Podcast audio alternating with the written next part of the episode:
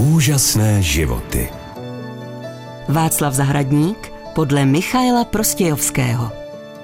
Já se jmenuji Michal Prostějovský a s Václavem Zahradníkem nás spojilo přátelství a hlavně spolupráce, protože on byl jedním ze základních a rozhodujících lidí na začátku mé kariéry textaře.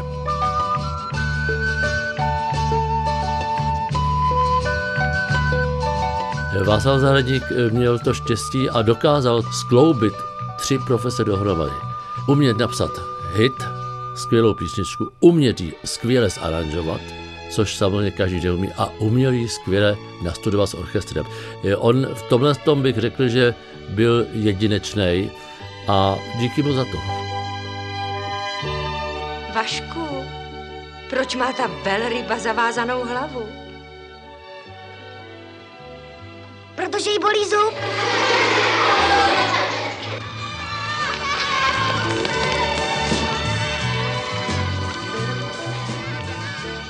Já jsem v roce 1967 napsal svůj první text pro Karla Černocha a skupinu Juventus, které jsme pozvali do rozhlasového studia na nahrávku pro mikrofórum. Byla to písnička Nářek převozníka. A v té době jsem měl také dobrý kontakt na dirigenta Zdenka Bartáka staršího, a ten Zdeněk Barták tenkrát říká, hele, ty jsi mladý začínající textář a já se znám s jistým Vaškem Zahradníkem, který končí konzervatoř a on skládá skvělé písničky. Takže v podstatě on nás dal dohromady. No a já jsem v té době měl za sebou nahrávky řady beatových, dneska říkáme rokových skupin a mimo jiné ze skupinou Rebels, to byl Jiří Korn, Pepik Plýva, Sváďa Čech a oni zpívali skvěle zborově. To byla nádhera a měli v repertoáru písničky Mamas and Papas, takzvaný West Coast, že písničky západního pobřeží Kalifornie. A já jsem je pozval do studia a natočil jsem s nima single, který vydal Suprafon.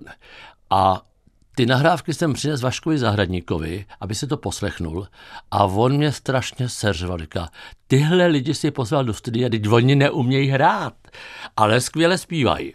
Takže jsme se rozhodli s Václavem, že jim vytvoříme určitý support a že samozřejmě jim pomůžeme v té pěvecké kariéře a začali jsme s nima spolupracovat. Na jaře 1968 eh, jsme s nima natočili první single a byla to taková, stejně jako potom ty pohádky, o kterých budu mluvit, to byla kombinace rockové hudby s velkým orchestrem na hranici big bandu a symfonického orchestru, včetně smyčců a tak dále. Ty písničky se jmenovaly Definitivní konec a titulní strana bylo Pět havranů. A on to byl docela pěkný hit.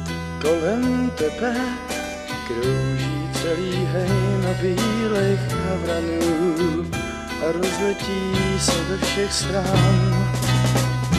Kapkou deště hroznou kletbu tvou teď zapí, že jsi matkou pěti bílých vran, že jsi matkou pěti bílých vran.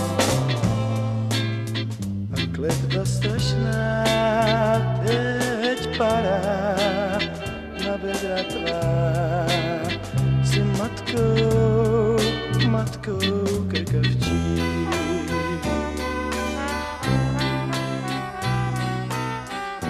My jsme s Václavem od začátku měli v plánu, že pohádkové album Šípková růženka natočíme i pro Arty v angličtině.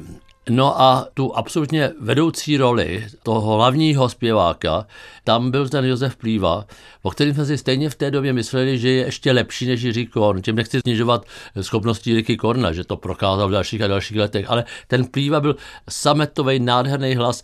No, tak on nám natočil uh, anglickou verzi, ale emigroval do Kanady. V zápětí. Takže nám opět spadly hračky do kanálu a tím pádem jsme začali hledat co dál, že chceme dělat další projekty. A v té chvíli jsme my dali dohromady trio, a sice Hanku Zagorovou, která právě přišla z Ostravy do Prahy, Viktora Sodomu, který odešel od Matadors, protože někteří členové také emigrovali, a tenkrát v podstatě začínající Jirka Štědroň, Takže eh, s něma jsme natočili ty pohádky pro televizi. Taky jsme samozřejmě tomuto triu vytvořili program, trošku jsme o ně pečovali, psali jsme jim singly. No a asi z té doby největším hitem, který se podařilo natočit a dostat do éteru a dostat na gramofon desky, byla písnička, kterou napsal právě Václav s Vladimírem Poštulkou a to byla Bludička Julie. Myslím, že to byl první velký pražský hit Hanky Zagorové a že patří teda k jejímu zásadnímu repertoárovému číslu. Bludička Julie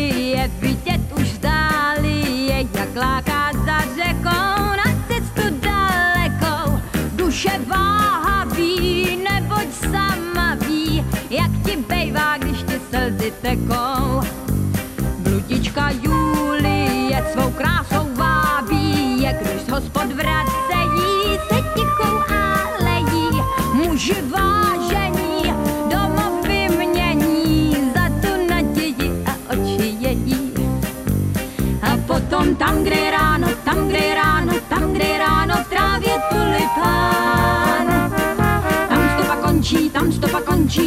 stopa končí, nezvěstnej je pán. Tam, kde ti páni, tam, kde ti páni, tam, kde ti páni písně pili jí. Je ráno žál a prázdnej sál a vítr vzal si Julii. Václav Zahradník byl poněkud zvláštní člověk. On byl profesionál až na půdu, o tom žádná. A on kladl ty nejvyšší nároky na všechny lidi kolem sebe. A v okamžiku, kdy viděl, že na to někdo nemá, nebo že nevytváří, nebo nehraje hlavně ve studiu, podle jeho gusta, tak byl strašný cholerik. Zkrátka, on dokázal tak vybublat, jako málo kdo na stěži, kterého jsem ještě potkal. A trvalo vždycky hodně dlouho ho, ho uklidnit, aby se zase vrátil zpátky na zem a uvědomil si, že ne všichni jsou géniové, ne všichni jsou schopni jeho nárokům vyhovět. Takže on byl zvláštní povaha, ale jinak samozřejmě já si ho strašně vážím, protože ve své podstatě to byl strašně slušný člověk, nikdy nikomu neublížil a pro něho ta práce byla hlavní životní ambice.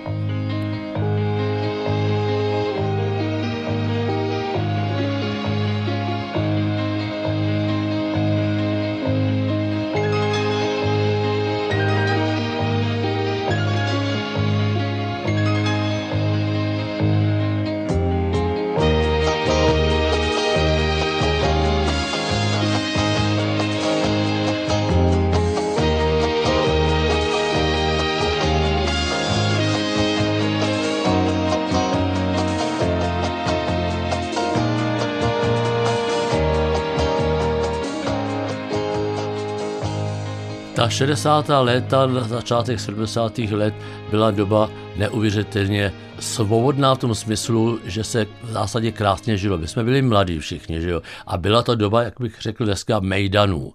Byla to doba, kdy ne všichni měli telefon doma, a kdy bylo úplně běžné, že kamarádi dva nebo tři večer v sedm hodin zazvonili, přinesli dvě flašky vína a e, večer se pilo a kecalo a tak dále. To je dneska nepředstavitelné. K někomu přijde večer na návštěvu neohlášený, to si nedodu představit, jak by dneska lidi reagovali. Takže Vašek samozřejmě jinak se choval, když byl mezi svýma kamarádama a když zkrátka se choval uvolněně, ale navenek byl samozřejmě distinguovaný a byl si vědom svých ambicí a toho, že k těm ambicím taky patří určitá důstojnost a důstojné vystupování. Jeho tenkrát, nechci říct, že trápilo, ale trošku záviděl šéf dirigentovi tanečního orchestru Československého rozhlasu Josefovi Vobrubovi. On zkrátka v něm viděl někoho, a práci, kterou bych chtěl taky dělat. Takže on samozřejmě se velice snažil o to, aby působil nejen jako autor, ale v prvé řadě jako dirigent. Takže proto ty nahrávky, ať už to byly Štípková ruženka, nebo později projekt Boublík a tak dále, nebo Jazz Goes to Beat, jako syntéza beatu, tedy roku a jazzové hudby. On si strašně zakládal na tom, že je skvělý dirigent. Takže když potom československá televize se rozhodla založit nebo vytvořit taneční orchestr, tak strašně mu šlo o to, aby tuto pozici dostal.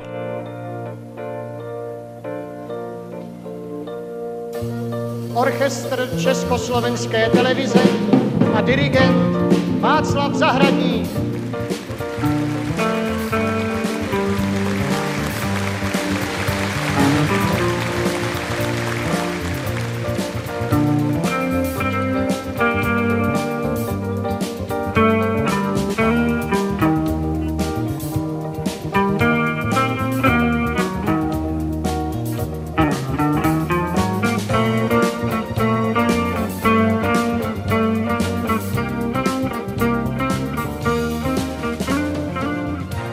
Když se dneska díváme na ty pořady, tak možná se na některé díváme s úsměvem, ale musíme si uvědomit kontext té doby.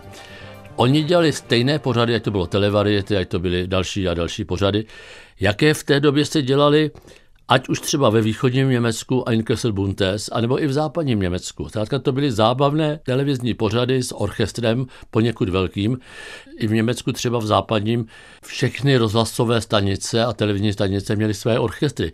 V tehdejší době zkrátka rozhlasy a televize byly tím, řekl bych, jedním z nejsilnějších elementů výroby populární taneční i jazzové hudby. Tak zkrátka to bylo pro toho Vaška splnění snu, že se stal šéf-dirigentem takovéhoto tělesa.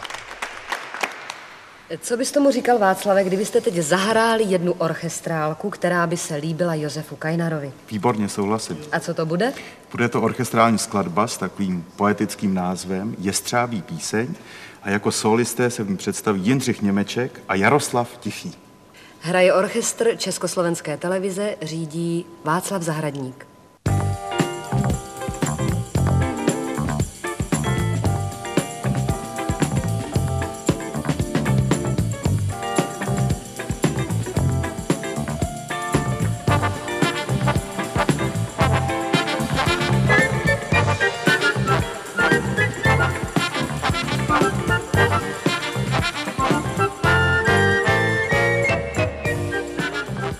Václav Zahradník byl nejen skvělý dirigent, ale do určité míry, a to v dobrém slova smyslu manipulátor. No, zkrátka dokázal lidi přesvědčit o tom, že to, co dělá, je přesně to, co má být.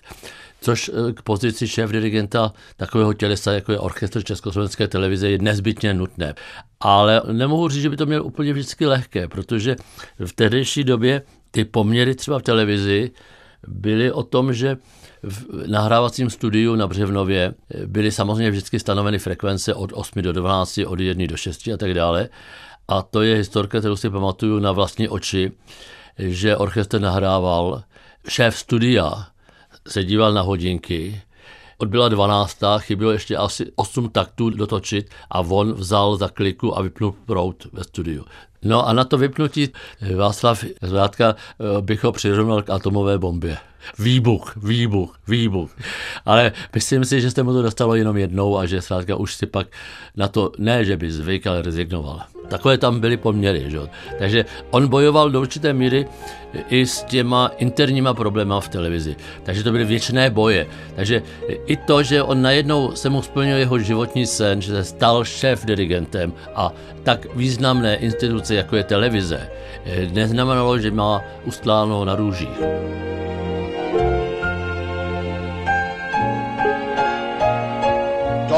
Dost, stop, stop, stop, stop.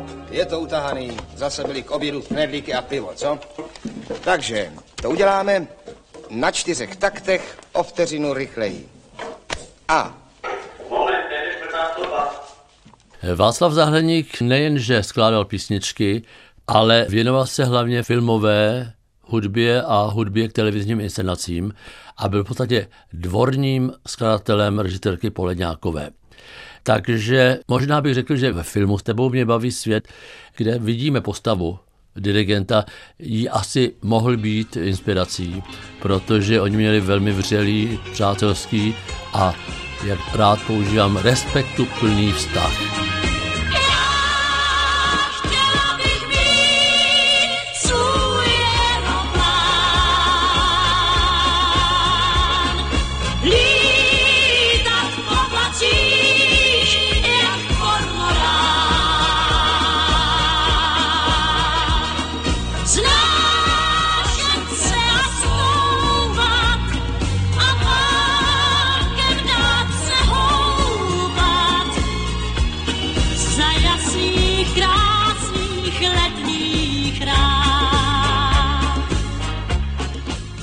Hudebním světě jsou dva typy skladatelů, autorů.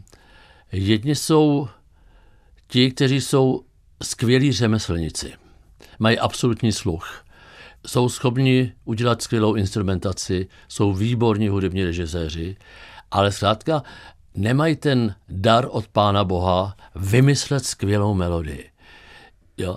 A Václav patřil mezi ty, málo lidí u nás, kteří na jedné straně měli v sobě to políbení od Pána Boha a měli v sobě ty, ty geniální nápady, které ale dokázali stoprocentně a naprosto profesionálně zpracovat tak, aby se zkrátka ve studiu rozdali noty a už se o tom nediskutovalo. To je, myslím, jako jeden z mála lidí, které jsme ve 20. století na poli populární hudby u nás měli.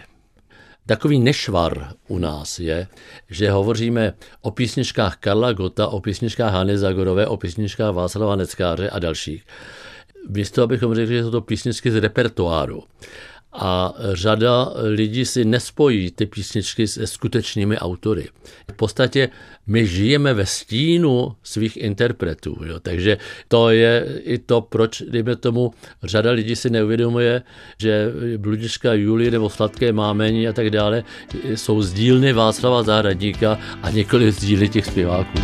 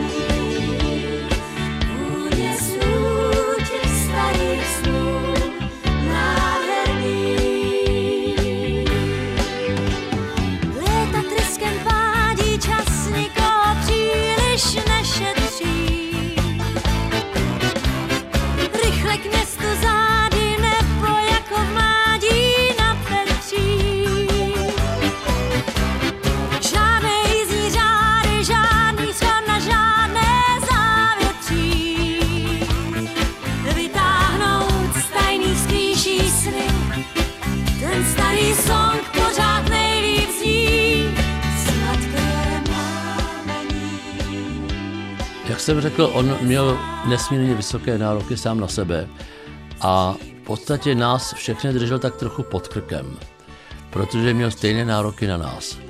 A já se pamatuju eh, začátkem těch 70. let, že jsem napsal několik textů pro nějaký absolutně bezvýznamný interprety. Tak opět mě se řeval, říká, pro takovýhle nímandy ty psát nesmíš, to si nemůžeš dovolit. A seznámil mě s Jindrou Brabcem, autorem modlitby, který jsme začali psát také eh, řadu písniček, dokonce jsme spolu napsali i jeden muzikál, takže on zkrátka jako dbal o to, aby ta štábní kultura, kterou on udržuje, abychom ji udržovali i my ostatní jako jeho spolupracovníci.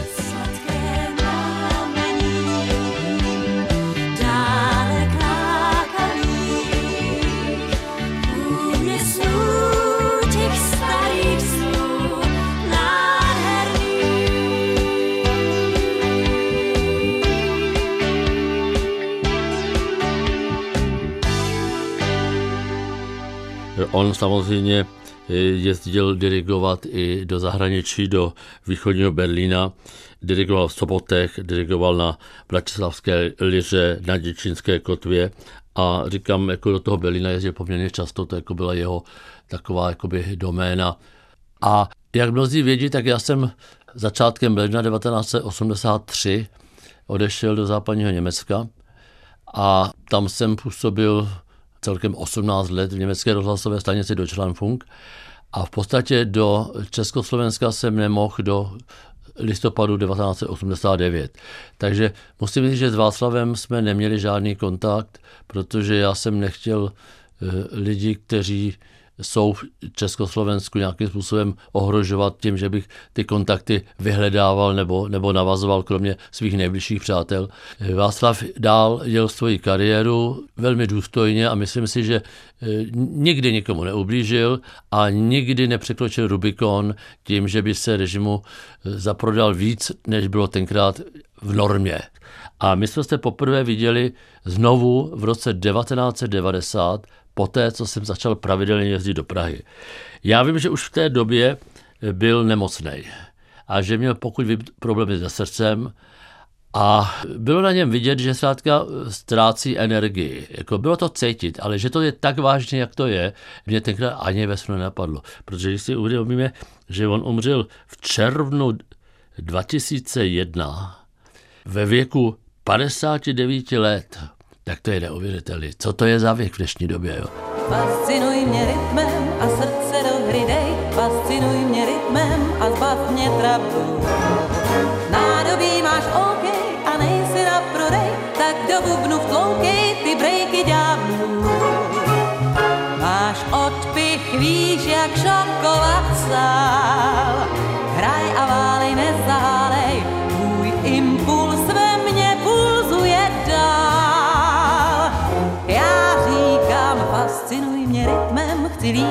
Povětří, fascinuj mě rytmem, jak holku sputnou.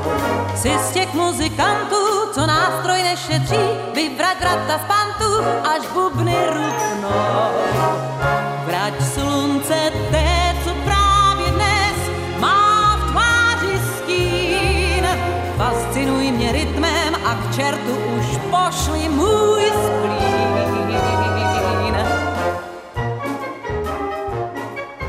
tom roce 1989 už podle mého názoru, i když už myslím, že ta energie, ani ten úspěch, ani ten objem práce eh, už nebyl tak patrný jako předtím. Už to tak nějak šlo, jak bychom řekli, muzikantsky do fade outu.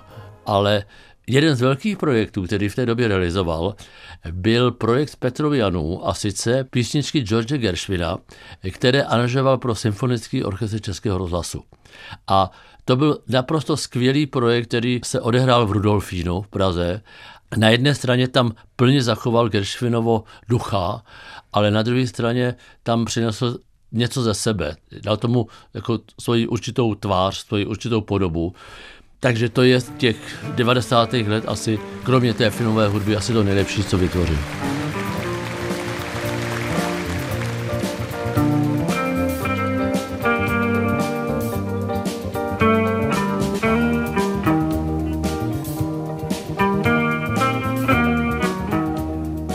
Možná dnešní generaci jméno Václav Zahradník už neříká tolik, co samozřejmě nám, očetým svědků doby, ale kdybych měl někomu představit Václava Zahradníka z té nejmladší generace, tak bych řekl, že patří mezi pilíře české populární hudby. Že to je člověk, který v podstatě spolu vytvářel populární hudbu v Československu od toho konce těch 60. let až do roku 2001, kdy zemřel a že patří rozhodně mezi těch top ten velikánů české populární hudby a ten hlavní akcent toho Václava bylo to, že se oddal svému povolání, řekl bych svému poslání, protože si byl vědom toho, že to, co on umí, neumí každý.